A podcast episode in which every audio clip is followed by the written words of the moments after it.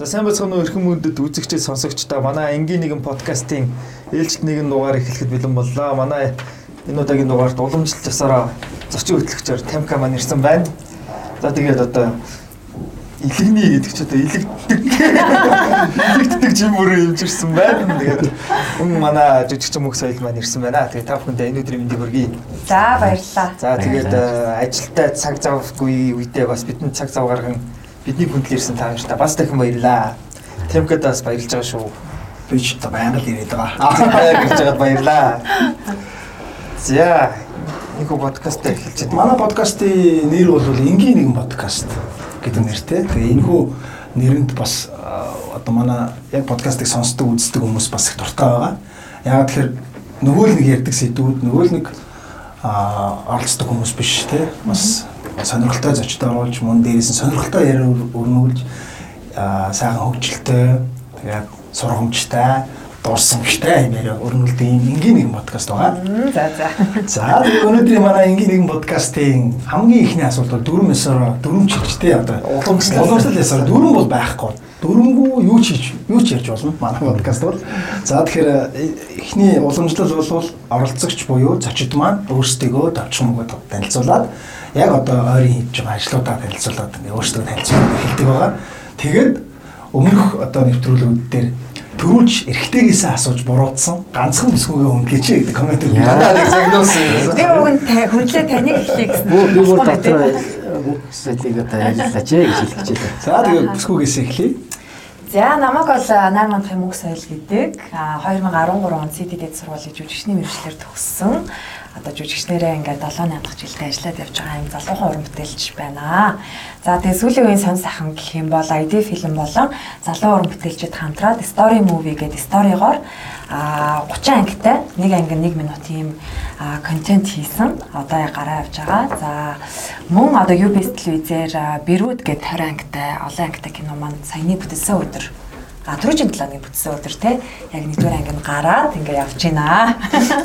Sorry нэг үл бирүүд гэсэн чи базагсад гэж яг шисаа. Яаж ч яг тэг баздаг бир нөхгүй юу. За тиймэрхүү сайн сайхантай. Яа за мөндөг уран бүтээлтэй юм. За намайг жижиг зүрэнгийн чин бүрэн гэдэг би мис заслын эмч ийм мэрэгжилтэй хүн. Одоо яг мэрэгчлэр бол 23 жил хавдар судлалын үндэсний төвд мислээ эмч захирал За тэгээд одоо элэг шилжүүлэн суулгах багийн ахлагч зөвлөх гэсэн юм орон тоонууд дээр ажиллаж байна. За одоо сүүлийн үед хийж байгаа бүтээл зүйл гэх юм бол одоо бүтээл гэж бас болно. Яг тэгэхээр бид чинь нөгөө эрүүл мэндийн салбарт аль болохоор хүмүүст төвөггүй орчин цагийн энэ дижитал трансформашнд тохирсон ажил хийх гэж бас хичээж оролдоод байна.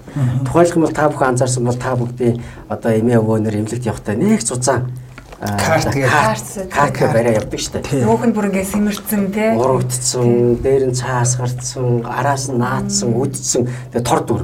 За тэрийгэ барьж явахгүй бол нөгөө эмчнэр нүүзэ загнаад оо энэ ч одоо дотоо нөгөө өмнөх юм чи хаанаа гэдэг ингээд хэцүү байдаг. За тэрийг и карт болгоцсон. Бүтэн 2 жилийн ажил да энэ ганц хүний ажил биш. Энэ бол код бүтэн хавдар судлалын үндэсний төв мөн одоо энэ юун дээр ажил хиймэл оюун ухаан болон энэ дижитал ертөнцид ажилладаг компаниудаа e-clinic гэдэг энэ компани байна. Эдгэртэй хамтраад 2 жилийн ноцолцсны эцэст ямар ч e-карт нь бэлэн болоод e-clinic нэртэй хавдар судлалын үндэсний төвд хэрэгжээд явж байгаа. Эний нээлтмэнд маргааш болох гэж байна. E-clinic чинь зөвхөн хавдар дээр эсвэл нийт эрүүл мэндийн юун дээр нөө? А одоохондоо миний ажилдаг цаар хөрөө хавдар судлалын үндэсний төв учраас бид бол одоо хавдар судлалын үндэсний төв дээр хамгийн түрүүнд одоо энийг хийж бэлэн болголоо. Гэтэ хавдар судлалын хавдрын тусламж авдаг хүмүүсийн нэг онцлог байдаг шүү. Энэ залуучууд бас мэдгүй байж магадгүй хөрхөө нөгөө өвчин зовлонгоос хол учраас. Тэгэхээр хавдар гэдэг мөхөө өвчин туссан хүн айгүй олон удаа эмчлүүлдэг байхгүй. Эдгэрсэн ч гэсэн хяналтанд олон дахин ирдэг. Тэгэхээр одоо эмчид очиж үзүүлэх тоон ердийн эмгүүдийг бодох юм бол 30 40 дахин их. Аа зөв зөв. Тийм учраас тэд нар маань байнгын карт гар карт гэдэг нэг тор дүүрийн барьж явдаг. Одоо их шаардлага болж байгаа юм сайхан 90 үлдэйгээ бид мөр зэрэгцээ алах гад хичээгээд байна. За стогоо яжлээ. Баяр үлдээ. За яста сайхан мэдээ те өнөөдөр подкаст хийж чинь те. Тийм одоо тэгээд аа юу гэдэг хүнд чи өвчин зовлон гэдэг чи хэлж ирэхгүй хийсэж ирнэ гэж монголчууд ярьдаг те. Тэгэхээр яг яг тийм үед нь одоо хүмүүсийг бас зарим зүйлэрээ ч гэсэн тийм төвөггүй амар хэлбэр байлгах тэр чинь адаглаа дараагийнхаа бас нэг сэтгэл зүйд нөлөөлөх байхгүй тий. Одоо ингээл айгүй их юм төвөгчөөгөөд бөө юм болоод бөө бичиг баримтаа бүрдүүлээл нэг юмнаас нэг юм аваад нэг юмнаас бас нэг юм даруулж аваад нэг юм дээр очиж нэг юм цохуулаад ингэж явсаар байгаа бол имчилгээндээ очих биш бүх юм нэрэд очихоор бэлэн ингээд хүртээмжтэй байж байгаа гэдэг чинь өөрөө тухайн үедээ төвөг болохгүй. Тэгэхээр одоо нэг ийм юм орчин цагийн хэллэг ийм болсон шүү. Өвчин хилж ирэхгүй хийсч ирнэ гэдэг яриа өөр болсон. За. Өвчин хилж ирдэг болсон. Яг гэвэл одоо технологи өөр технологи өөр их мундаг. Тэ тэр битгий хэл таныг ирээдүйд ямар өвчнөр өвдөх вэ гэдгийг тааж магадлал боломжтой болж шээ. Одоо нэг генетикийн судалгаа ярьж байна тийм ээ. Аа бүр Хүний шүлснээс нь тэ арчнаас аваад тэгээ гений шинжилгээ хийгээд тэгээд та 28-ын төрлийн өвчнөр өвдөх эрсдэл байна уу гэж үзэж шээ. Тэ одоо л энэ технологи нөгөө хөгжилтөн дээр явж байна та бүхэн мэдэх байх нөгөө big data гэж яриад байдаг тийм ээ. Тэгэхээр big data гэдэг нь эрүүл мэндийн салбарт юу гэсэн үг вэ гэхээр 10 сая, 20 сая, 100 сая хүмүүс дотор тий одоо яг одоо одоо залуучууд мэдэх өвчин гэвэл одоо даралт ихс гэж бодъё л да тийм ээ. Хүний даралт ихс өвчин гэж бодъё. Тэгэхээр тэр одоо баяраач гэдэг юм хин гэдэг юм тий. Тэр баяраа ирээдүйд даралт ихс өвчнөр өвдөх магадлалыг үүсгэнэ шүү дээ. Тэгэхээр тэрийг яаж хийдэг вэ гэхээр нөгөө 100 сая хүн даралт ихссэн 100 сая хүн тэрний гений шинжилгээ хийгээд бүх одоо гений шинжилгээг тоолох нь шүү дээ. Тэгээд эрүүл 100 сая хүний генийг тоолцсон байгаа. Даралт ихсдэггүй. Тэгээд тэр хоёрыг ингээ харьцуулахаар ялгаатай хэдэн өөрчлөлтүүд нэг харагдан та. Тэрийг ялгаж аваад аа за ийм ялгаатай гений кодтой байх юм бол энэ хүн ирээдүйд даралт ихсэх өвчнөр өвдөх магадлал нь хэдэн хувьтай. тийм байна. Тэгэхээр нөгөө хийсч ирнэ гэдэг маань ирээдүйд юугаар өвдөж болох вэ гэдгийг тооцдог болох. Маань бид нар өөрчлөн сэргийлж мэддэг болох юм шүү. Дата Ээ, дээр үндэслээд анализийн гутаа харьцуулаад гаргачих юм шүү За жишээлх юм бол бас одоо юу гэж чихрийн шижин. Тий бас л манай залуучууд бас мэдэхгүй л баг. Гэхдээ л одоо бид залуу насндаа хамаагүй нөгөө баг Сахар нөгөө газта кола пепси одоо за- заавал кола гэж байгаа ба шиг бүгдий тий газта нөгөө чихртэй ундаанууд гэж чинь яг ийм стаканыг авахд 12 шиг яв дууж байгаа ш бид нар. Пай. тий тийм амир шүү дээ. Тэгээ мэдхгүй ингээл олон жил ууж явсаар явсаар байгаа л тэгтэл нөгөө цуснд орсон их сахарыг задалж биеэс алга болгодог тэр инсулин гэдэг бодисыг тогтмол ялгаруулж чадан чадахгүй гэдэг гений алдааг л харчиж байгаа байхгүй. Тэгээд ирээдүйд Сахараар өвдөхүү. хүү гээл Одоо темп дээр одоо ингэ нөгөө подкаст болгоноор юм Шин юм сурч шин юм сураад ингээ ойлгоод яваад л та. Тэгээд битүүчүүд ингэж байна штэ. Битүүчүүд одоо ингээл нэг 3 хоноо 4 хоноо л сургалтын суугаад байгаа байхгүй. Өргөдөж ирсэн зочдоос гоё мэдээлэл авчаа. Шин зүйлийг таньж мэдчихээн те. Одоо би бол ямар сандаа нэг стүүлж байгаа юм биш. Нэг подкастын дугаар бичээд хоёр зочинтойгоо ингээд нэг бид хоёр нэг те 30-40 минут ярилцдаг. Энэ хугацаанд нэг ном уншсан юм шигч гоё мэдээлэл авдаг те. Шин сонгоог мэдэж авдаг. Ямарваа нэгэн хоцорсон юм шинээр мэдэж авдаг. Бүр огт сонсож байгаагүй зүйлээ мэдэж авдаг юм. Айгуу гоё сонирхолтой байдаг. Яг энийг бас доор комментэр маш олон хүмүүс бичсэн байсан. Тэ. Өмнөх өмнөх зочдын талаар өө энэ хүн чинь ийм хүн байсан юм уу гэж мэдэж авсан байна. Дээрээс нь энэ бас зөв сэдв байна ч гэдэг юм уу. Тим комментүүд айгүйх байдаг. Тийм учраас ингээд гоё өнөөдөр дөрвөлээ сайхан ам халуул. Сайхан Ярьж өгнө. Залуучуудаа хэлэхэд энэ заавал эмч гэдэг мэржэлтэйтэй биш. Ер нь ямар ч салбарын хүн байлаа гэсэн тухайн салбарынхаа ололтыг жилдээ нэг удаа экспертүүдээр буюу нөгөө тэр чиглэлээр одоо хамгийн туршлагатай хүний лекцийг нэг удаа сонсох хэрэгтэй байхгүй юу? Харин тийм. Тэгэхээр тэр нь яадаг вэ гэхээр жил болгон альва нэг юм чи хөгжиж өөрчлөгдөж штэ. Тэгээд дандаа нэг апдейт гэж нэрлэдэг тийм ээ. Сайжраа шинжлэхдээ яваад байдаг. Тэр мэдээллүүдийг өдөр болгон журнал уншаад бүгдийг уншихад зав байхгүй. Гол гол юмаа сонсчод л. Ээ гол гол юм аа яг жилд нэг. Одоо бид нар яг ангаах ухааныг тэгдэг байхгүй. Жишээлбэл одоо би залуу байхдаа аа, бидний одоо үе чинь тийм эдийн засаг ийм сайн байсангүй илүү мөнгө гэдэг юм юм баг байхгүй байсан. Гадагшаа туризм ийм хүчтэй байгаагүй. За тэгэл одоо бодолтой 2005-аас хойш гэж бодъё те 2005-аас 2011 оны хооронд гадаадд очиж ийм том хурлуудад нэг удаа очсон. Хурлын такс нь 600 доллар. Пөөх. Зөвхөн одоо манай эрүүл мэндийн салбарын жилийн одоо том цуглаан байна шүү дээ. Тэр такс нь 600 доллар. Тэгээд замын зардал. Очоод Байр таньдаг маньдаг хүн байна уугүй гэдээ буудал орохгүй шүү дээ. Айл Буудлын хүн шүү дээ. Тэгээд гойж мойж энэ чинь хонж агаад тэгээд тэр хурал суугаад ирэхэд цоош нь фреш болоод ирж байгаа байхгүй амар мэдээлэлтэй. Тэгээд нөгөө өөрийнхөө чиглэлээр хоцрохгүй гэж аягүй хичээж явдаг гэсэн. Тэгээд гэрийнхээ хамгийн сүүлийн мөнгийг кармалаад гараа явдаг гэсэн. Хэцүү ээж тэр үед бас. чанга байсан. Тэгэл одоо а, бизнес эрхэлдэг найзууд энэ төр бол хаяа мөнгө өгнө. Чи яваад иргээд. Тэгсэн чинь гоё юу болсон гэхээр 12 оноос хойш өөрөө өргөддөг болсон байхгүй. Тэр том хурлууд дээр. Тэгээ 5 отоо бодлоо. Дээрээс нь хуралд орсон мөнгө авна. Эсрэг. Тийм учраас залуучууд маань ер нь бол өөрийгөө дандаа нөгөө твшүүлж хөгжүүлж өөрийнхөө чиглэлээр олж байгаа шин шин технологиуд дээр хоцрохгүй байх нь чухал тийм ээ. Энэ дээр бол одоо үргэлж яг саяны темка хэлсэн шиг одоо бүгд нь ном уншихын оронд яг одоо мэдсэн чадсан хүний үгийг сонсчих чил ер нь л ер нь л төхөд очиж шүү. Тийм байна. Наачаас байгаа юм байна.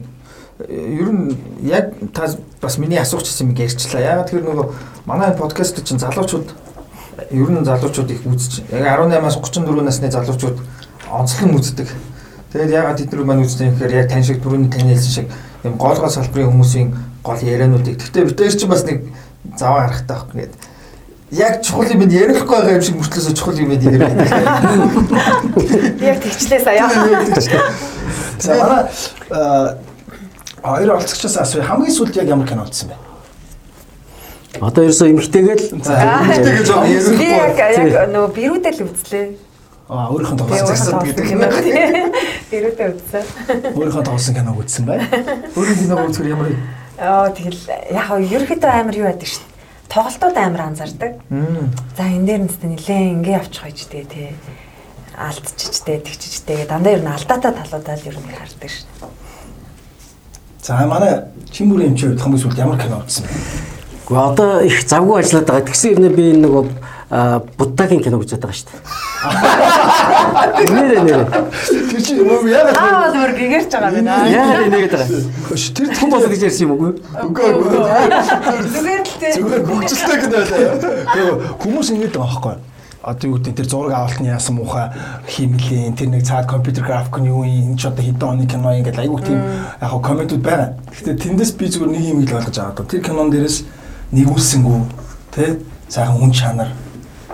Одоо сайн сайхан хүний гоё оюун ухааны бясалгал гэгэрэл юу те хүн яавал зөв хүн байх ёстой төлөвшөлтэй. Одоо юу гэдэг тэр талаас нь бас ингэж ойлгож үзүүлэх зүгээр кино юм шиг санагдсан шүү дээ Тэгээ нөгөө гол дүр нь өөрөө түүхэн хүн. Тэгээд их одоо бурхан болж өөрөө а, нэгүслэл хүртсэн тийм ээ. Тэр утгаараа тэр түүхэн өөрөө их чухал байхгүй. Харин тийм бах тийм. Тэр Яг би бол юутай санал нэг байгаа. Тэр кино хийлдэн тэр бол яг Netflix тийм, жилийн тийм. Тэгээ Болливуд жилийн нэг тийм реалны биш юм шиг тийм тийм. Гэхдээ түүх өгүүлэмж нь өөрөө асар чухал. Тэгээ бид энийг чи мэдэх хэрэгтэй юм байлээ. Тэгээ би яг яг тоортой санал. Би тэр киног үзчихэд нөгөө тэр киног үзэх хүртлээр би яг тийж боддог. За нэг Сэтхарт гээд нэг нөхөр нөгөө Шажамоны овгийн нэг нөхөр ингээд төрсөн юм байна. Төрөхтэй юм онцгой төрсөн юм байна. Хааны хүү байсан юм байна. Тэгэл гэгэрцсэн байна гэж ойлгочихсон чи юу тэр киног үзсэн чинь тэр бүх юм гарч ирлээ шүү дээ. Яаж одоо нөгөө ээж нь ягаанаас сурсан дараа нь яаж том болсон яав нь яасыг бүр ингээд ингээд Гэхдээ би тэрийг ингэж нөгөө хальт талтал үзэл идэг. Гэрт орохоор л манад гарч идэв. Тэгээд хальт гарчаад аа ингээд. Амраа хамгийн сүүлийн кино үзсэн би юу? тий Бэж санаатаа би юу үзлээ? Бараг бодтой юм шүү сая. Бараг л юм байж байгаа. Тий. Crash Landing-ийн оныг дахиад үзсэн үү Тэгээ завгүй болчоод тэр киногоо л айгүй 2 3 үзсэн байгаа Тэрийг үзээгүй бараг ганц би бэ? яхаа. Би юу Story movie үзсэн байна. А тийм үү. Танаа story movie үзсэн. Баярлаа. За би миний хувьд бол хамгийн сүүлд Fantastic Production-ы 100 гэдэг киног IPTV-с үзсэн. Тэгээд тэр талаараа бас пост оруулаад Facebook дээр. Найруулагч уур чадвар бас сайн гарсан кино л. Холбоосууд нь сайн болсон бэл. Тэр кинон дээр бас нэг онцлог нь ямаа Тамира Можо хоёр одоо юу гэдэг фантастикийн маш олон уран бүтээлийн дандаа арай албанд байдаг штэ. Тэр хоёр маань энэ удаа яг хоёулаа гол төр тоглосон. Хоёр. Тий, тэгээд Алдар маань ерөнхий найруулагчаар ажиллаад. Гэхдээ бас Тамира бас найруулагч багт байгаа штэ. Тэгээд ганчлан Алдар хоёр маань ерөнхийдөө хөдөлгөөс хараад гэж ярьдаг л та. Би тооёроос нэг юм асууч. Соёлын ягаад жүжигч болсон юм? Би чинь ер нь 10 жил тахасаа л хүмүүст төвсөн шүү. А бүр багын. Тийм баа 6 7 дугаар ангиас эхлэв. Тэгээд уг нь яг 10 жилээ төгсчөөд уг нь эмч болгож ирсэн. Манай ээж чинь эмч хүн байхгүй юу? Тэгээд ээж маань нөгөө гэр бүлээсээ нэг хүүхдээ эмч болгоно нэтрэгээл намаа гэж яриад идэв гэсэн. Тэгтээ би яг өөрийнхөө сонирхлоор заавал жүжигчин болно гэсээр байгаа л тэгэл манай гэр бүлийнхэн ч гэсэн дэмжээл тэгэл болсон шүү дээ. Саад өргөшөөр байгаагүй. Фейлддэг дээ. Нэг фейлддэг дээ. Үгүй гайг байхаа сургуулаа л жоохон одоо Сwiss дуг нь орны орё гэж бодож ирсэн. Гэхдээ би яг нөө 10 жилээ төгсчөнгөтэй Солонгос руу очиод сурж исэн байхгүй тэнд 3 жил сурсан. Тэгээд ирчээд сойс чалгалт өгөх гэсэн чинь нөгөө хоцорсон байсан. Тэгээд CDD-д сургуульд орсон. Жил алдаад яхав. Тэгээ ерөнхийдөө нөгөө гадагшаа сургуульд явах гэхээр улсын сургууль биш, хувийн сургууль байна гэдэг тал дээр жоохон онцгүй байгаад байдаг. Тэр тал дээр л жоохон фейлцэг болоо гэж бодсон. Тэрнээс иш ол нэг тийм дартан байсан. Энэ хүртэл бод байсан. Айгуу л байсан. Юу тууштай байсан биз Тийм, тууштай л байсан. Л. Тэр л хамгийн жоо. Цэврэх ягаад имчүүлцээ бэ та? Аа, миний түүх арай их тийм Эдрээ те. Эдрээс тийш ер нь нэг тийм өвөрмөц түүх гэх юм уу да. Ягаад тэгэхээр намайг жоохон дөнгөж одоо 12 настай хат. Одооны одооны 12 настай хүүхэд бол тэр үеийн баг 14 настай биш надад санагдаад идэв. Тэр үеийн 12 настай хүүхэд бол одооны баг 10 настай хүүхдэд тэнцэх байна. Тийм баг. Тийм Тий. тийм. Үзэж харсан, мэдж байгаа оюуны тэр хурдтай хөгжил энэ төр харах юм бол одоо миний хүүч 3 настай л э, энэ урдсан тэрийг үзчихэд help help гэдэг англи үг хэлээд байгаа шүү дээ. Тэгэхээр чинь нэг хөгжил бол шал өөр. Тэгээд 12 настай байхад миний одоо өсгсөн намааг өсгсөн э, ажаа минь эмгтээчүүд орд авдар утсан байхгүй. Тэгээд э, нэг хаалгаанд ороод төд бодлого хавдран дахиад тэгээд ер нь бол нэг амьдралынхаа тэр төгсгөлийн шатантаа гэж ярьдаг. Өчнийхөө бүр хүнд үедээ орцсон байхад нь би нэг э, очоод яасан чи аливаа ажаагийнх нь одоо бүр нуруу өвдөө тасарлаа. Чи нэг нуруу илээтгэж гээд. Тэгээд жоох хөвгт нуруугийн ингээл ийлж байгаа.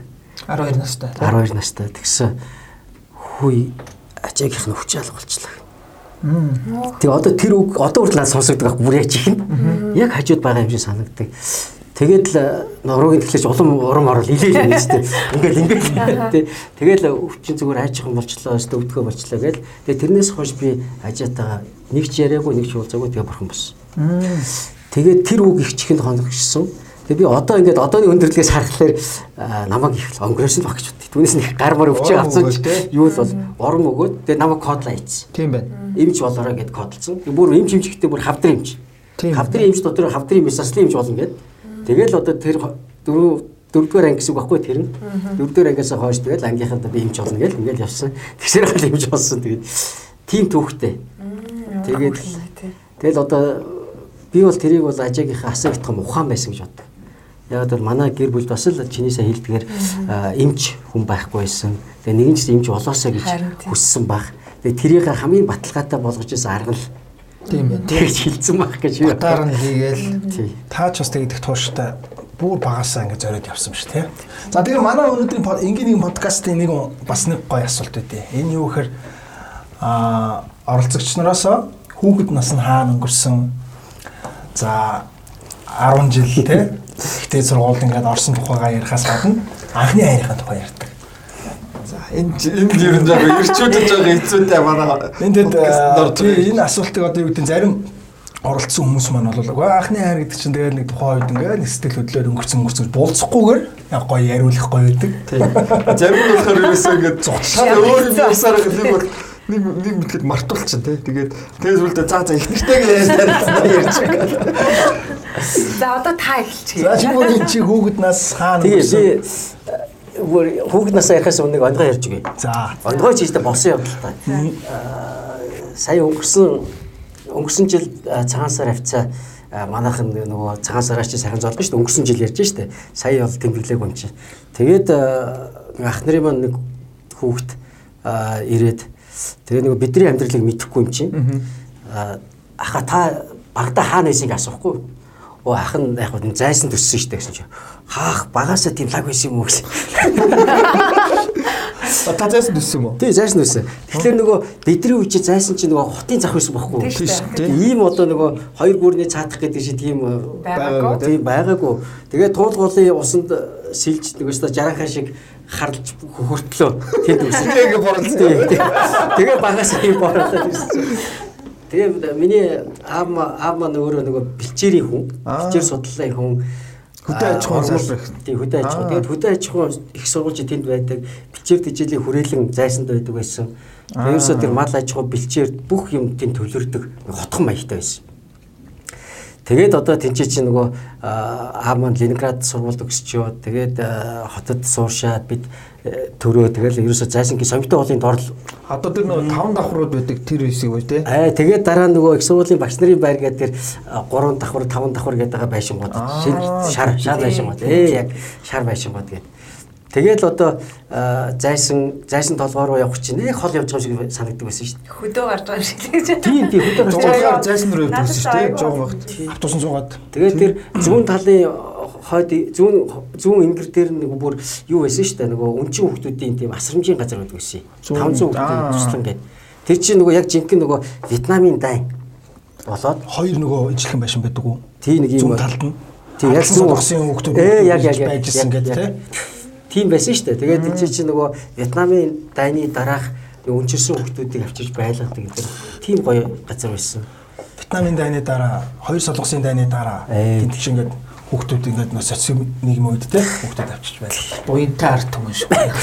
Тэгэхээр миний багнаас бол зайсан дээ. За 10 жилээ би 23 дугаар сургууль. Тэр үед тусгай сургууль гэдэг байсан. Өө. Сургуулийн манай анд байж та.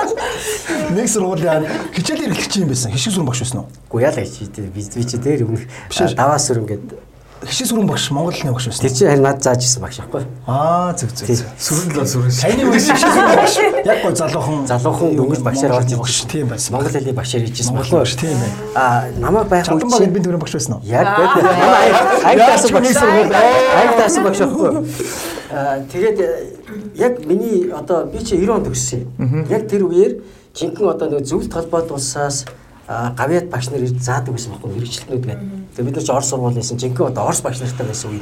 Тэгээ минийхэр дууссан байхгүй. Перестройка гэдэг арчлалсан хувьсал гараад Горбачев чи 88 онд перестройкагаа хийгээд 90 онд бид нар чи нөгөө Орос зэргүүдээ Монголоосоо явуулаад тэгээд арчилсан хувьсгал мөн гараа тий. Тэгсэн үе штэ. Тэгэхээр манай сургууль тийм мундаг сургууль байсан. Тэгээд тусгай гэдэг нэртэй байсан. Тусгай гэхэлэр одоо хүмүүс их гайхаа шүү дээ. Тусгай гэхэлэр өөр талаар яг энэ Орос гурав шиг л байсан байхгүй юу? Би тамирын ч Орос дээр ордог. Яг Орос. Нэрээ дуу хөгжмөн Орос дээр орно бүх юм тийм байсан байхгүй. Тэгээ тийм мундаг багш нар иржсэн байхгүй. Дандаа нөгөө тэр үеийн нөгөө гавьяат зөвлөлт холбоот улсын гавьяат багш гэдэг чинь юу амар одоо саслуушны үчи жилийн ан дээр гэж нэрлэдэг байсан байхгүй. Одоо хармуудаа сургууль чи бас айгүй олон алдартай хүмүүс төгссөн байдаг шүү дээ. Тийм тийм. Тэгээд дараа жилд 91 онд ангаах хүнийг сургуульд ороод тэгээ 97 онд төгссөн. Ангаах 6 жил сурдаг шүү дээ, тийм. Тэгээ цаашаа үргэлжлүүлээд бас сурж болно. Тэгээ сураад сураад л шүү дээ. Одоо үргэлж сурж байгаа шүү дээ. За тэгээ гоо тэгээ одоо яг Тэгээд тэгээд яг та нөгөө анхны хайр гээд нэг сүтийн баг хөглөө та бодлоо ярьж байгаа гэж бити бодоорой. Яа тэгэхээр би нөгөө хүүхэд байхдаа айгүй спортоор хичээлдэг байсан. Охин харах завгүй. Говь завгуудаа биш. Одоохоо. Яасан гэхэлэр бидний өвд чи нөгөө тийм нэг Оросын нэг тийм идеал одоо тийм жинхэнэ одоо эр хүн ямар байх хэвээр гэхэлэр бүх хэмийг чаддаг гэдэг. Универсал гэдэг юм. үзэл бодол тэр үчи байсан байхгүй.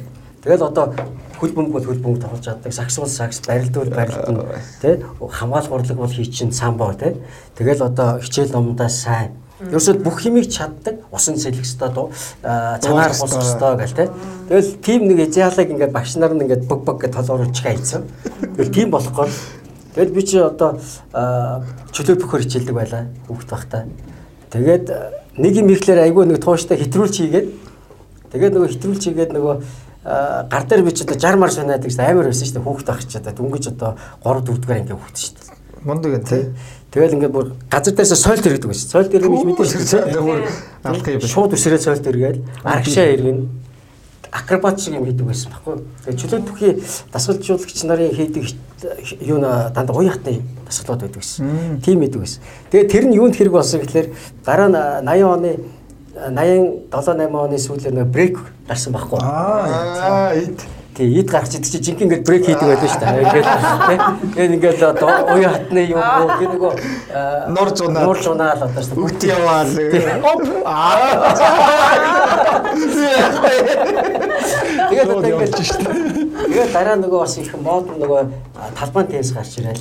Тэгээд талбайн тенс бас тоглоод эсвэл бас дасгалжуулагч энэ төр хийгээд таа чи бүр одоо эш би. Ингэсэн л аа. Тэгэл одоо нэг жил асууж хийж байхдаа би бүр дасгалжуулагч хийжсэн юм. Давхар давхар давхар дасгалжуулагч дээр хийгээл ингээл тэгээд ингээд нөгөө нэх тийм анхны хайр гээл октод эргүүлэх захаа махаа энэ биш үзээгүй одоо тэгэхээр бодлоо ярьж байгаа битгий болдоор тийм нэх өөрийгөө завгүй байлгаад нөгөө талаас бас нэг тийм айх дээр өөрт бодол байсан юм шиг байна. За ингээд бичээд хоёулаа үерхийг биччихвэл надад л би яах юм. Тэгэхээр санаатай байсан. Аюу санаатай яг үнэ.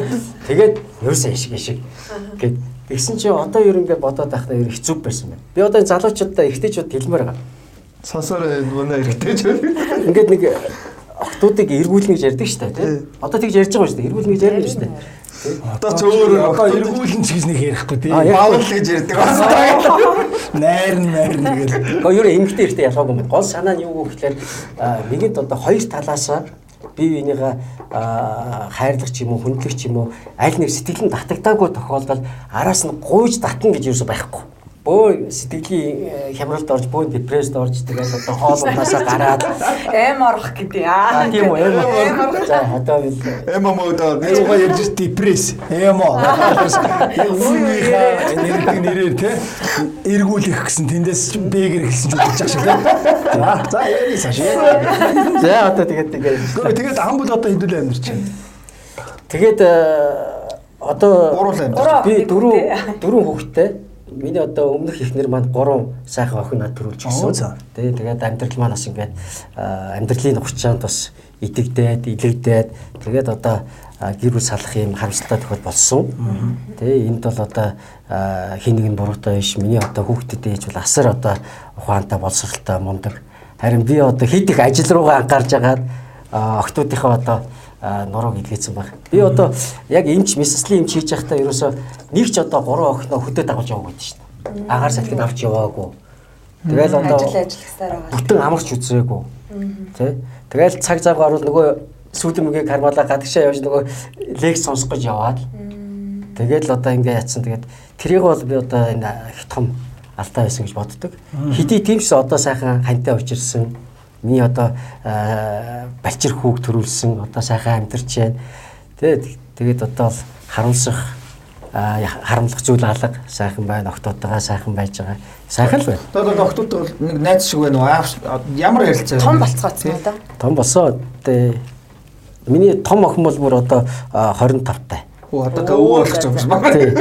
Тэгээд юунд Нью-Йоркийн их сургуулийг төгссөн жил болгон бас нөгөө шилдэг гадаад оюутан гэдэг өрөмжлийг Ямар авдаг. тий. Тэгсээрээ төгсөөд одоо Монголд ажиллаж байгаа.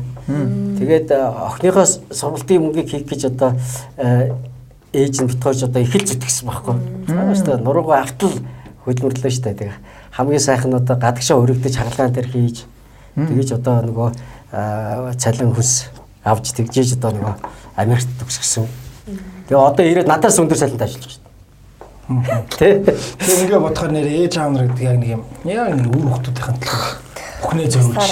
Ялангуяа эр хүн гэдэг хүн бол ерөөс ингэдэг нэг амьдралын төлөө явсаар байгаа л ингээл хамаг юм аа. нээж аав нар чинь ингээ үр хөлтүүдийн төлөө ингээ хөдөлмөрлж хөдөлмөрлөөл үр хөлтүүдээ сайн сайхан амжуулах гэл ингээ явсаар байгаа.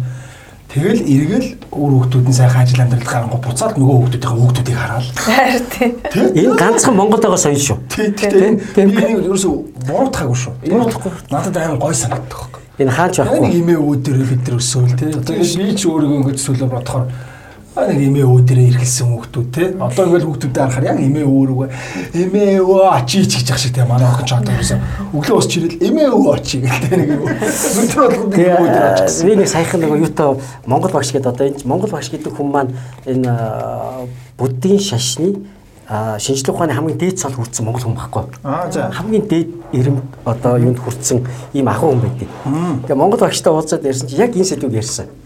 Юу гэсэн гэхлээр монгол дархлаа гэж юу вэ? Тэ. Одоо энэ орчин цаг чинь нөгөө хиймэл оюун ухаан бүх юм одоо ийм виртуал руу ордог шүү дээ. тэ. Тэгээд энэ виртуал ертөнцид нэг дотогч байгаа юм бол хайр инэрл байхгүй. Тэр юугаар илэрч ийнэ гэхлээр аав ээжигээ хайрлах, асарж асран хүмүүжүүлэх, халамжлах, настай болсон өвгчүүл хөгсчүүлээд Хүндлэгтэй. асрамжийн газар өгж гин үү? Хамт гэртээ байлгаж өсгөж хүмүүжүүл одоо асарж хамгаалж гин үү? Тэ бид чи хүүхдүүд гэж бодоод байна ш дандаа. Тэгтэл аав ээж өвөө эмээгээ асарж хамгаалж байгаа. Энэ тийм нандин хэлхээ холбоос зөвхөн нүүдэлчин монголчууд бидэнд байгаа байхгүй. Нүүдэлчин монголчууд хизээж ээж аваа хайдгүй. Тий. А ээж аав маань биднийг өсгөхтэй байна шүү дээ тий. Хизээч хажуудлын өрөөнд хаалгыг нагаад ганцаарнгийн харанхууд онолд онтолдог байхгүй. Тий. Яг үнэ, яг үнэ. Тий. Дандаа өвтлөө тэврээд унтдаг. Тэгээ том болтлоо өвд ороод. Тий. Тэгээд аав ээж нэр дунд нь орчоод бас эвгүй байгаа шүү хүмүүс. Одоо бид чинь хоёр хүүхэдтэйгээ уул нь одоо ингээл бас тусад нь өрөө мөрөө ормоор ингээл бэлдэж өгөөл ингээл унтахгүй байна шүү дээ. гунтахгүй гэл дөрүүлээ өглөө шпроч Энэ энэ соёл байна шүү дээ. Энэ зөвхөн бидэнд байгаа байхгүй. Энэ бидний дархлаа. Тийм. Тийм. Энэ дархлаа чи өөрөө ирээдүйд хайр инрэл буюу аав ээжээгээ өвөө эмээгээ хайрлах энэ сайхан хэлхээ холбоос. Тэгэхээр энийг бид алдаж болохгүй. Одоо энийг чи буцаад Монголоос сурах гэж гадаадынх нь хайж ийн гэж байна. Тэ сая та бүхэн сонсон бол тэр нөгөө ковид энэ төр гараад тэр Итали, Америк энэ төрд яасан. Нөгөө шууд хайсан шүү дээ. шууд хаяхаас гадна ганцаараа амьдэрдэг. Тэр хүн өгсөн амьд нь мэддэг. Уцтаад чамаар юу вэ? Найз минь гэж ярих хүн байхгүй. Тийм нөгөө ганцаардалд орцсон нийгэм хит их хөгжих, хит их виртуал болгох ч өөр аюулын тэр байхгүй. Тийм, тийм. Тэ тэгэхээр одоо тэр ганцаардлаас яаж одоо тэтнийг гарах уу гэдэг асуудал яригдж шүү дээ. Эсэргээр Тийм байна. Тийм А байна. тэгсэн чи тэрийг хаанаас сурах уу гэсэн чи Монголоос. Энэ бол бидний дархлаа байхгүй. Энэ Монголын бахархал байхгүй. Бид энийг алдаж болохгүй. Соёлогийн багнаас хайр дуртай. Оо хаа мартсан биш үү? Амар орцсон бүр ингэсэн шүү. За миний баг нас гэх юм бол би чи яг нөө арчлалын үед төрсөн хүүхд таахгүй юу? 90 оны хүүхд. Тий, тэгээд манайх бол хорооллын бичил гэдэг тий. Хүү явах өссөн ба шүү дээ. Та ханасан бэ? Би бичлэгийн урдлын та ногоон тавд оо, миний анд. Сайсан байсан. Зайсангаас тэгээд дараа нэг орон сууц. Тэгээд тийш нүхгүй юу? Хоёрдугаар ангидаа би хороол руу шилжсэн байхгүй. Тэгээд хороолд амьдэрсэн. Арх үсэх боломжгүй. Та чинь Яг одоо бичлэгийн урдлын 19 Та дугаар чинь 97 авсан. онд чинь оюутан моюутан болоод ингээд ажиллаж байхад энэ чинь дөнгөж 7 настай байжсэн. Тийм байна. Тэгээд ам, бичлэлд яг өссөн. Тэгээд а, 10 жилийн одоо математикийн гүнзгийрүүлсэн сургалттай гэж ярьдаг 4-р дунд сургуулийг бол төгссөн. Оо зөө зөө. Тий, тэгээд багада бол яхав аа жоохон даруухан одоо юу гэдэг нөгөө бусдын танихгүй хүмүүс айжууд айгуу даруухан гэртээ бол амар галзуу тийм охин байсан. Тэгээд аавынхаа мөөмийг болоод 7 нас хүртэл өгсөн юм дээ тий. Аав ихтэй зоос байж. Тэгээ нөгөө кингрушэ гэдэг нөгөө найзууд найгуу шалдаг. Аавын найзууд, ээж мэжийн найзууд ирээл бүгдээр хөзөр хөзөр тоглоод гэртээ ангууд би нөгөө яг ингээ бодолкын дотор нь орчдөг. Тэгэл хүмүүс инээлдэнгүүт эндээс нөгөө яг кингруш ингээ гарч ирээд юу болов гээл. Тэгээ буцаж ороод нэг мөмийн ингээ одоо имрээлтэй нэг мөмийн идэл ингээ байж хөөхтэйсэн. Аав зоод үгэж. Тэгэл аав ер нь л аавын л охин байсан л да. За одоо минь хайр дурлалтай. Яг чул аав явах юм бэ те. Аав явах. чул аав явах юм байна. Аавын охинууд аавын ингээс гараад хэрхэн өөр залуугийн Аваараа зүйлсэн шүү дээ. Хэл бах гэж би бодож байна. Тий. юу болсон. За яаж одоо тэр хайр гэдэг юм бэ? Аа, би яг өөр өөр стилээр зөхөд одоо сэтгэл дотроо тэгж одоо тэр зүйлийг мэдэрч. Юу яадаг байсан? Манай ах чинь нөгөө нэг яг миний дээдлийн анги бит хоёр яг нэг сургуульд хамт сурдаг байсан байхгүй төгчүүдтэй. Би аюу сайн мэдэн шүү дээ. Тий, тэгэл нөгөө нэг одоо тухайн үед чинь нөгөө сургуулийн атмаа, хорооллын атмаа, матмаа гэж ярьдаг байсан шүү дээ. Нэг хэсэг бүлэг найзуудтайгаа нийлжэл ерөн жоох нэг атмаа залуу байлаа манай ах. Тий. Тэгээ тэнгууд чинь нөгөө а одоо 6 7 дугаар ангид байхад ч юм уу банд нар эргүүлнэ. Тэнгүүд зүгээр яг гарангууд л манай 9 давхарт гэдэг гэсэн 9 давхарт ингээл чиртакэн дээр нөгөө чинь зогсож чинь. Орсноосоо гарангууд л нэг давхарт нөгөө агагийн найз нар зогсож чинь. Юус ямар ч юм бандтай уулзах ч юм уу болцох юм боломж олохгүй. Тэгэл гэрээ уцаар залангууд нөгөө салаа уцаар сонсоод дороо дороо дороо дороо ахлах шүү гэл тэгэл ерөөс нь надад бол яг 10 жилд яг нөгөө нэг сургууль байхад тийм сургууль байхад бол тийм боломж гэдэг. Facebook гэж байхгүй бахт чинь бид нэгээд нөгөө ангид юм гоо дурсгалын дэвтэр гэдээ явдаг. Аа, байсан миний үед хүртэл байсан. Тэгэл бид нар яагаад чи 8 төгсөхдөө монтаж хийлгээл тэгээд дурсгалын дэвтэр ангид аялал хүүхд болгоны нэг дурсгалын дэвтэр темпч өнөөдөр ансхан дэвтрийг авч яваад бүгэлчүүд аваад өө тэгээ тэгээд. Бараг дурсгалын дэвтэр өгөхгүй бол нь. Тийм, тийм. одоо хүүхд болгоны нэг дурсгалын дэвтэр нээсэн те өш чи дурсгалын дэвтэр нэг юм уу? Оо яах би нээхгүй зөв бос дууд дотор бүглөөд орчих гэсэн хүүхд ч байдаг. Тэгээд би ингээл ингээл хараал дурсгалын дэвтэр ингээл бүглөөл тэгээд бүгд дээрэн дээр ингээл нэрээ бичээл надад зураг мураг наагаад бидний үед яг тийм байсан тэгээд тусгалын дэвтрийн эзэнд нь зориулж хүмүүс зур бичээд чи тийм үү. Тэгснэ ингээл өөрийнхөө сонсдог ямар хандлага сонсох дуртай нэг дууныхаа нүг мүгийг бичмчээл. Тэр өөрөө эргээ бодоход бидний тухайн юм фэйсбુક л тийм байсан. За манай хоёрдугаар асуулт өгдөө. одоо нөгөө манай оролцогч нар чи ерөнхийдөө нөгөө өөрсдийн салбар салбартаа бас ингээд одоо тэргүүлээд бас тодорхой хэмжээнд амжилт үзүүлсэн хүмүүс байгаа шүү дээ. Тэгэхээр тэр хүмүүс одоо бидний нөгөө залуучууд их үздэг болохоор яг 20 настай та 20 настай чимбүрэн байсан бол юу вэ? Өнөөдөр шүү. Өнөөдрийн 20 настай 2020 онд чим мөрөн гэдэг хүн 20 настай байсан бол та өөрөө юу хийгээд явж явах байсан бэ? Одоо зүгээр ингээд э, яг өнөөдрийн энэ орчин цагийг ингээ харах юм бол ерөн зүгээр а, олон нийт рүү чиглэсэн энэ нөгөө технологи суурилсан а, хөгжлийн ирэн штэ тийм ээ. Тэгэхээр энэ дээр нэлээд хүчтэй байр суурь ажиллах нь аягүй чухал. Ямар мэрэгчлээс үл хамааран. Тий. Тэ ямар мэрэгчлээс үл хамааран. Жишээлбэл ютубер хийж болчих. Тэгэд Тэгэхэд бол би ангаахын өөрийн мэддэг. Би нөгөө ангаахтаа л орно гэдгээр гарахгүй шүү дээ. Тэндээс эмч бас нэгдээс гарахгүй л байгаа даа байхгүй. Тэгэхээр өөрийнхөө ангаахт сурж исэн тэр мэдлгүүдээ хөгжүүлэх бусдад а энийг сураад би нэр ийм юм ойлгож байгаа юм байна шүү дээ гэдгээ ютубер маягаар тэрэндээ илүү хөгжүүлж тэгээ тэрнгөөрөө дамжуулж бусдад нэг мэдээлэл түгээх өөр өөрийгөө нэг илүү их одоо олон таниулах тий тэгээ тэр мэдээлэлээрээ дамжуулж эрүүл мэндийн боловсролыг олгочих тийм чиглэл рүү ажиллах байсан болов уу гэж бодож байна. Тэгэхээр би нөгөө энэ техникийн бас их хоббитэй байхгүй. Тэгэхээр бас тэр чиглэлээр энэ технологийн олдуудыг яаж аа Ангаахтай уялдуулж. Яа тэгэхээр тэр үед ангаах сурахад аяг хэцүүсэн байхгүй. Я бид нар чи одоо нөгөө ийм ютубер дамжуулан хичээл гэж байсангүй тэр нөгөө анимашн шүү дээ тий анимацаар ингэж нөгөө хүний анатомиг хүртэл ойлгуулахад аяг хэцүү байсан байхгүй. Дандаа зөв хар зураг. Дандаа 2D номон дээр. Тэгээ тэр чи ойлгоход бол нэлээ дотроо виртуал бодохгүй бол төсөөлж чаддаг. Тийм ээ. тийм ээ. Тэг чи одоо анатоми гэж булчин гэдэр яг чи та нар дасгал масгал хийж штэ тэ. Энэ булчин бицепс, трицепс энэ булчингуудыг ажилуулахын тулд гар дараа сумнах, ар араа сумнах энэ төр гэл ингээл яг ойлгомжтой болчих. Тэрийг ч ойлгохгүй ороод тэгэл тэр булчин яадаг ингээл мэдэхгүй нэг олон ном уншаал тэгэл чэйжлэл анализ толгойд үлдэх юм юм байсан. Тэг би бол одоо тийм байсан бол энийг илүү болгож тэр э, сурах бичгийг ютубер байх нэ. ээ Тэгвэл миний хувьд бол ингэж бодоод идэв шүү дээ.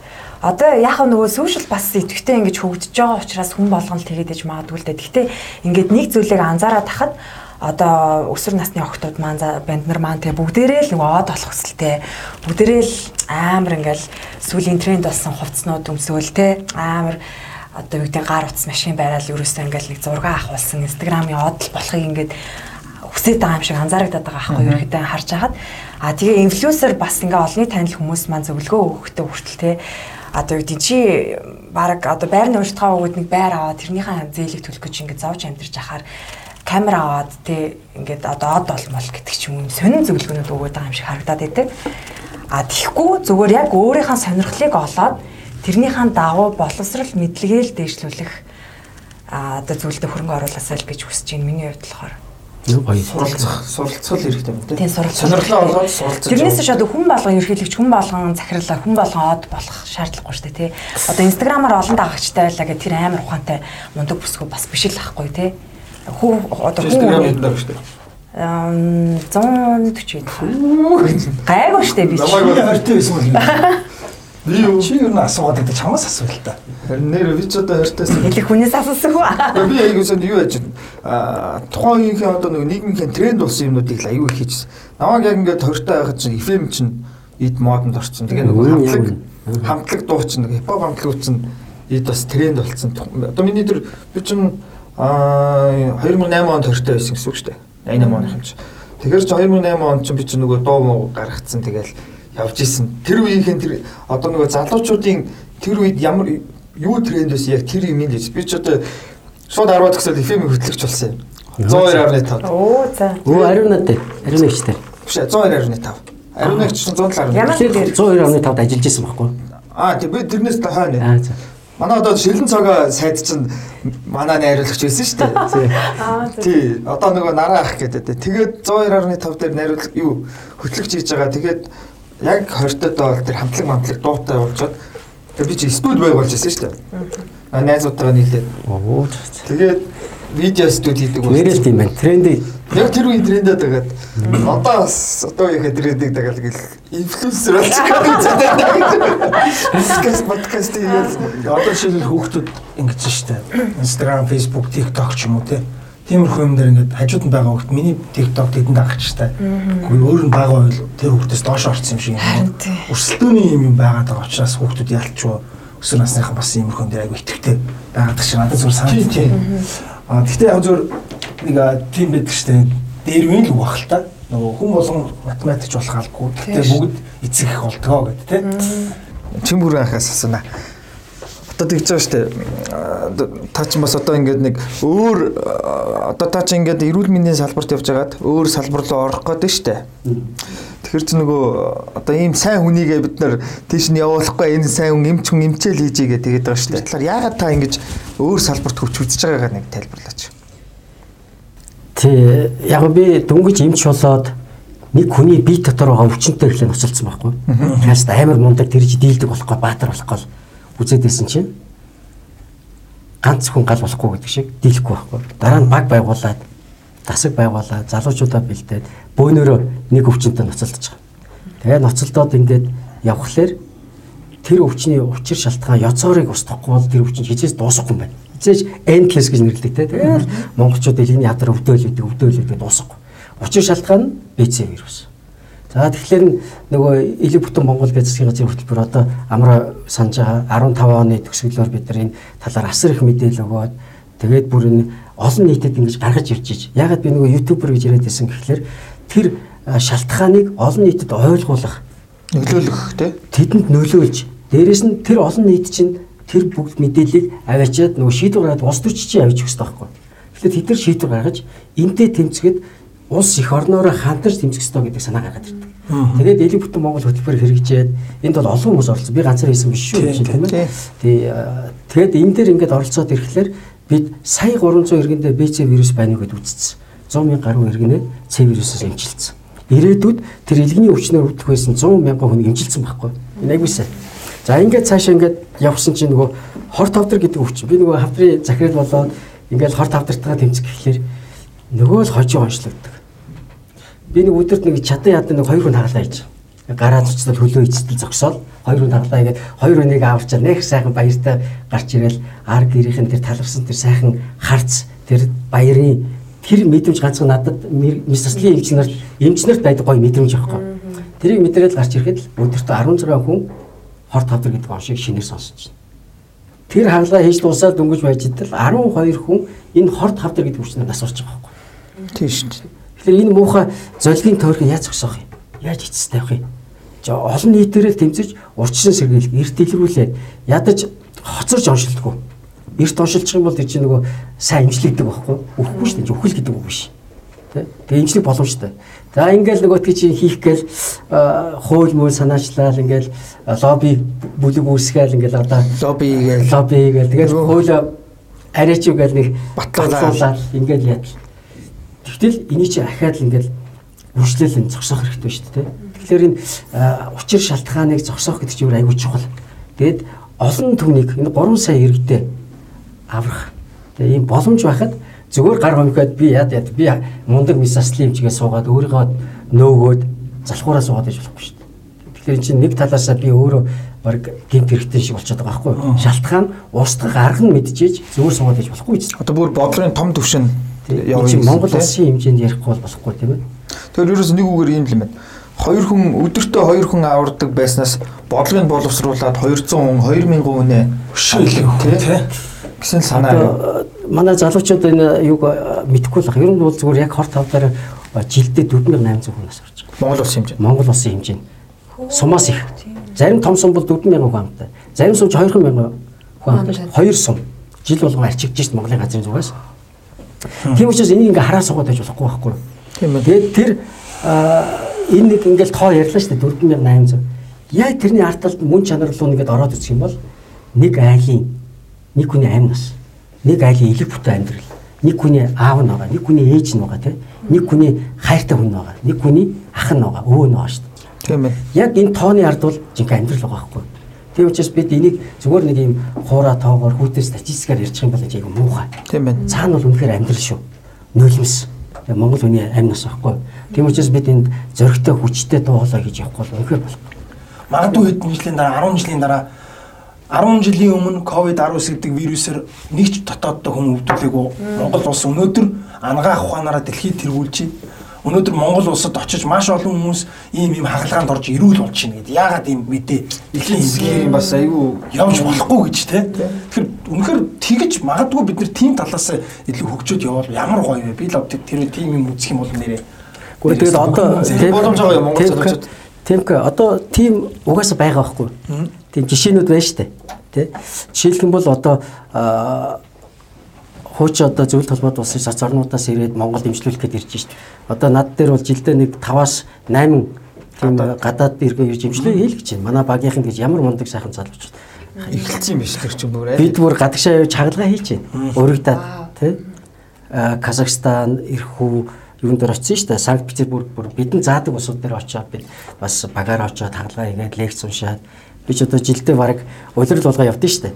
Очиж лекц уншдаг. Бидэнд боломжууд байгаа. Монгол хүний ялангуяа нүүдэлчин соёлын бидний энэ авиаст авхаалжтай юм тогтоолд одоо нөгөө айкуугаар монголчин дэлхий зураад явдсан шүү дээ. Үнэн үү тэр яг? Бид одоо нөгөө удлаа өөрсдөө өөрөдөө гэж бодоод ягаад тэгэхээр бид нар ой тогтоолд шал урахгүй. Бол үнэн баха. Бид чинь нэг нүүдэлчин соёлын нөгөө ам дамжсан үлгэр туйлс харин одоо сүүлийн дээр уншиж гинөө өвөө эмээнэр уншиж өгч гинүү юу? Тэр айгүй чухал байхгүй юу? Тэгэхээр ийм их боломжууд байгаа учраас бидэнд бол их потенциал. Тийм учраас темпог хэлдэг. Яагаад бид ингэж чадахгүй гэж. Яагаад бид дэлхийн хамгийн сайн технологи Монголоос гарч болохгүй гэж. Бидний боломж байгаа. Бидэнд авиас байгаа. Энэ бол бодлогын асуудал байхгүй. Тийм байна. Яг л энэ дэр итгэдэг бас те Монгол одоо юу гэдэг аа Монгол одоос 12 жилийн өмнө нөө Олимпиас ямар ч медаль бол байсан шүү дээ. Тийм шүү. Тэгэхэд Монгол хүн өнөөдөр Олимпиас медаль авч ирсэн. Тэгэхгүй дуурлж буурлаа. Тэгэл одоо бүгд ингээд ингээд эн чинь бас чадчих штэ монголчууд. Тэгэхээр одоо ковид ч гэсэн бид нар 19 гэдэг цар тахлыг алдахгүй байж чадчихээн. Тийм чи ингээд бид нар энэ маш олон юм чадах юм байна. Тэгэхээр юу гэдэг энэ цар тахал ингээд гарснараа бид нар гадаадаас юм хараат байгаа байдал тий өшөө бид нар хараат бос болох хэвээр байна. Дотоод үйлдвэрлэлээ нэмэгдүүлэх хэвээр байна. Би ч одоо сүултээ баг ингээл айгүй их юм ойлгоод байна шүү. Тэгээд бас одоо яах гэдэг амар ойлгоо. Саний ярианы бас нэг баталгаа нь яаж гэхээр яг одоо эрүүл мэндийн салбарт дэлхийд дээр тархсан монголчууд тэнд бас аюу мундаг ажиллаж байна. Тэр Германд бүр одоо натаа цуг анаалд өгсөн залуу маань тэнд ортопед буюу одоо гэмтэл заслын дасгийн хэрэглэгчээр ажиллана. Германд. Дасгийн хэрэглэгчээр ажиллаж байна. Эрдмэ гэдэг одоо мундаг залуу байж байна. Тэгээд тэр биш тав тэр биш гэдэг нэг бас нэг залуу байж байна. Тэр эртний шилжин суулгах дасагт мэслийн эмчээр тэнд ажиллаж байна. Лабораториуд удирдах шинжлэх ухааны том том төслүүд удирдах явж байгаа олон олон монголчууд. Одоо тэднийг авчирья. Одоо Польшд Польшд байна шүү дээ. Нөгөө уламжлалт дэмжлэгээр зөв төөнөөрөөр Монголын баг эмчнэр тэнд ноёрч шүү дээ. Тэр зах зээлийг ч одоо тэр жигт нь байгаа шүү дээ. Тэгэхээр бидэнд айгүй их тийм боломжууд байгаа. Энэ болгон бол ерөөсөө л одоо бидэнд байгаа мундаг одоо юу тий одоо өв гэх юм уу та тий үүнийг одоо баялаг болгох хэрэгтэй байхгүй бид? Тийм байна. Тий түүнээс бол бид энэ чинь дандаа нэг алтаа ухаад нүүрсээ гаргаад зэсээрээ амьдрах биш шүү дээ. Бидэнд асар ихтэй оюуны потенциал байгаа. Одоо эрүүл мэндийн салбарт орж иж байгаа шинэ залуучуудыг би өөртөө айгүй их шүтэж баярлдаг байхгүй. Цалин багтайг нь мэдчихэж байгаа 10-аас дээш жил сурна гэдгээ мэдчихэж байгаа. Тэгээд эмч болно гэдээ ороод ирж. Тэртээ мэрэгчлээ харт. Ирнэ л. Энэ бол миний залуучуудын сэтгэлийн доотлого байхгүй. За тэгээд маш одоо сайхан хэрэгтэй мэдээллүүдийг ярилцж байна. Тэ гоё энэ дунд бас баяртай, гонигтай, сургамжтай маш олон яг л одоо манай подкастын гол утга учир бол энэ. Тэгээд бид нар одоо яг энэ дээр гарцсан байгаа энгийн нэгэн подкаст мөртлөө эндээс та бүхэн авах юмаа аваад шүүр тунгаах юм аваад тий мэдэх юм аа мэдэж аваад ингээсэ гэдэг үүднээс бидний подкаст бас хүргэж байгаа. Тэрнээс ч зүгээр юу гэдэг амар завтай хоёр нөхөрийн цугаал тий өө тэгэл завтай хоёр хүн ирээд оролцоод байгаа биш шүү. Маш олон гоё бас хэрэгтэй юм. Бас магадгүй яг өнөөдөр гараан дээрээ байгаа мэрэгжил сонголтын дээрээ байгаа дөнгөж магадгүй 12 дугаар ингээд төгсөж байгаа мэрэгчлээ сонгох гэж байгаа. Ирээдүйд Монгол улсын иргэн болох гэж байгаа хүүхэд залуучууд тий дээрэс нь одоо өнөөдөр бас ингээд ажил мэргэжлэр гараа явж байгаа залуучуудаа бид нар энэ подкастаараа маш олон зүйлийг хүргэе. Маш олон хүмүүстэй уулзуулъя. Тэдгээр улсуудын бас үзэд болсон амьдралын туршлага, мэдлэг чадваруудыг бид нар харамгүй түгээ гэдэг үүднээсээ манай подкастны нэгэн зорилго бас тэгж оршиж байгаа. Энэ зорилгыг маань маш сайхан ойлгож манай подкастыг сайхан сонсож бидэрт бас урам харилж байгаа маш олон үзэгчтэй байгаа. Тэгээ өнөөдөр яг бас тэр зорилго маань биелж ийн гэж би өнөөдөр хоёр цачин доомор талархалтайгаар хэлмээр байна. Баярлалаа. Баярлалаа. Баярлаа энэ нэг дээр. Баярлаа гэдэг байгаа шүү дээ. баярлаа. Одоо манайхан чигээс баярлаа л гэдэг байгаа.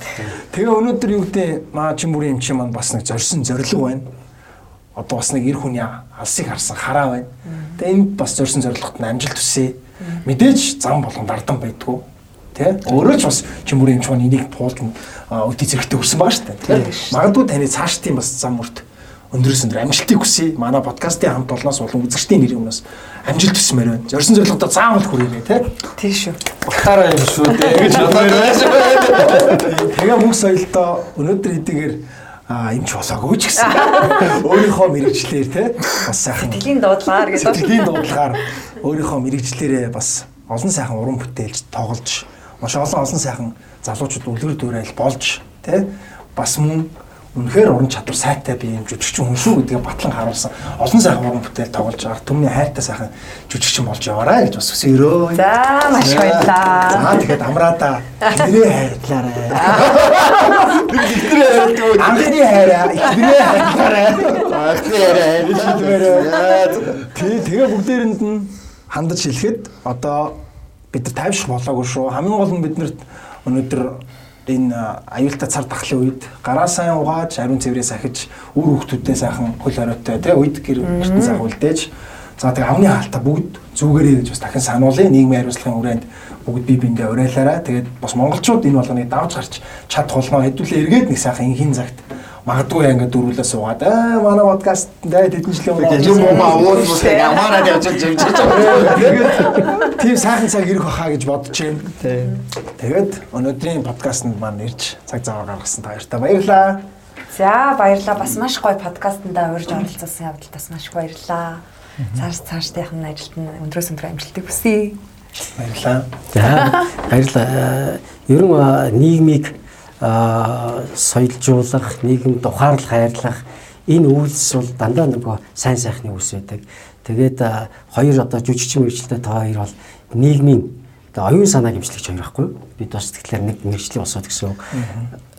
Амраамч гэсэн одоо яг энэ орчин цагийн найруулагч энэ юу зохион байгуулах гэж. Үнэхээр энэ цаана асар их цаг хугацаа зарцуулж байна. Энэ зүгээр нэг одоо загвар усуудын ажил биш тийм ээ. Тэгэхээр бусдад ухаарлах хайрлаж ухаантай хүн гэж хэнийг хэлдэг вэ гэж байгаа ингэсэн гэж байгаа шүү дээ. Бусдын алдааг алдчих яхад нь ойлгоод тэр алдааг давтаагүй хүнийг ухаантай хүн гэж хэлнэ гэж байгаа шүү дээ. Тийм учраас залуучууд та бүхэн бүгдээ ухаантай байгаа. За Баярлаа. За баярлалаа залуусаа. Энгийн нэгэн подкаст энэ үрээд өндөрлж байна. Дараагийн дугаар хүртэл баяртай. баяртай.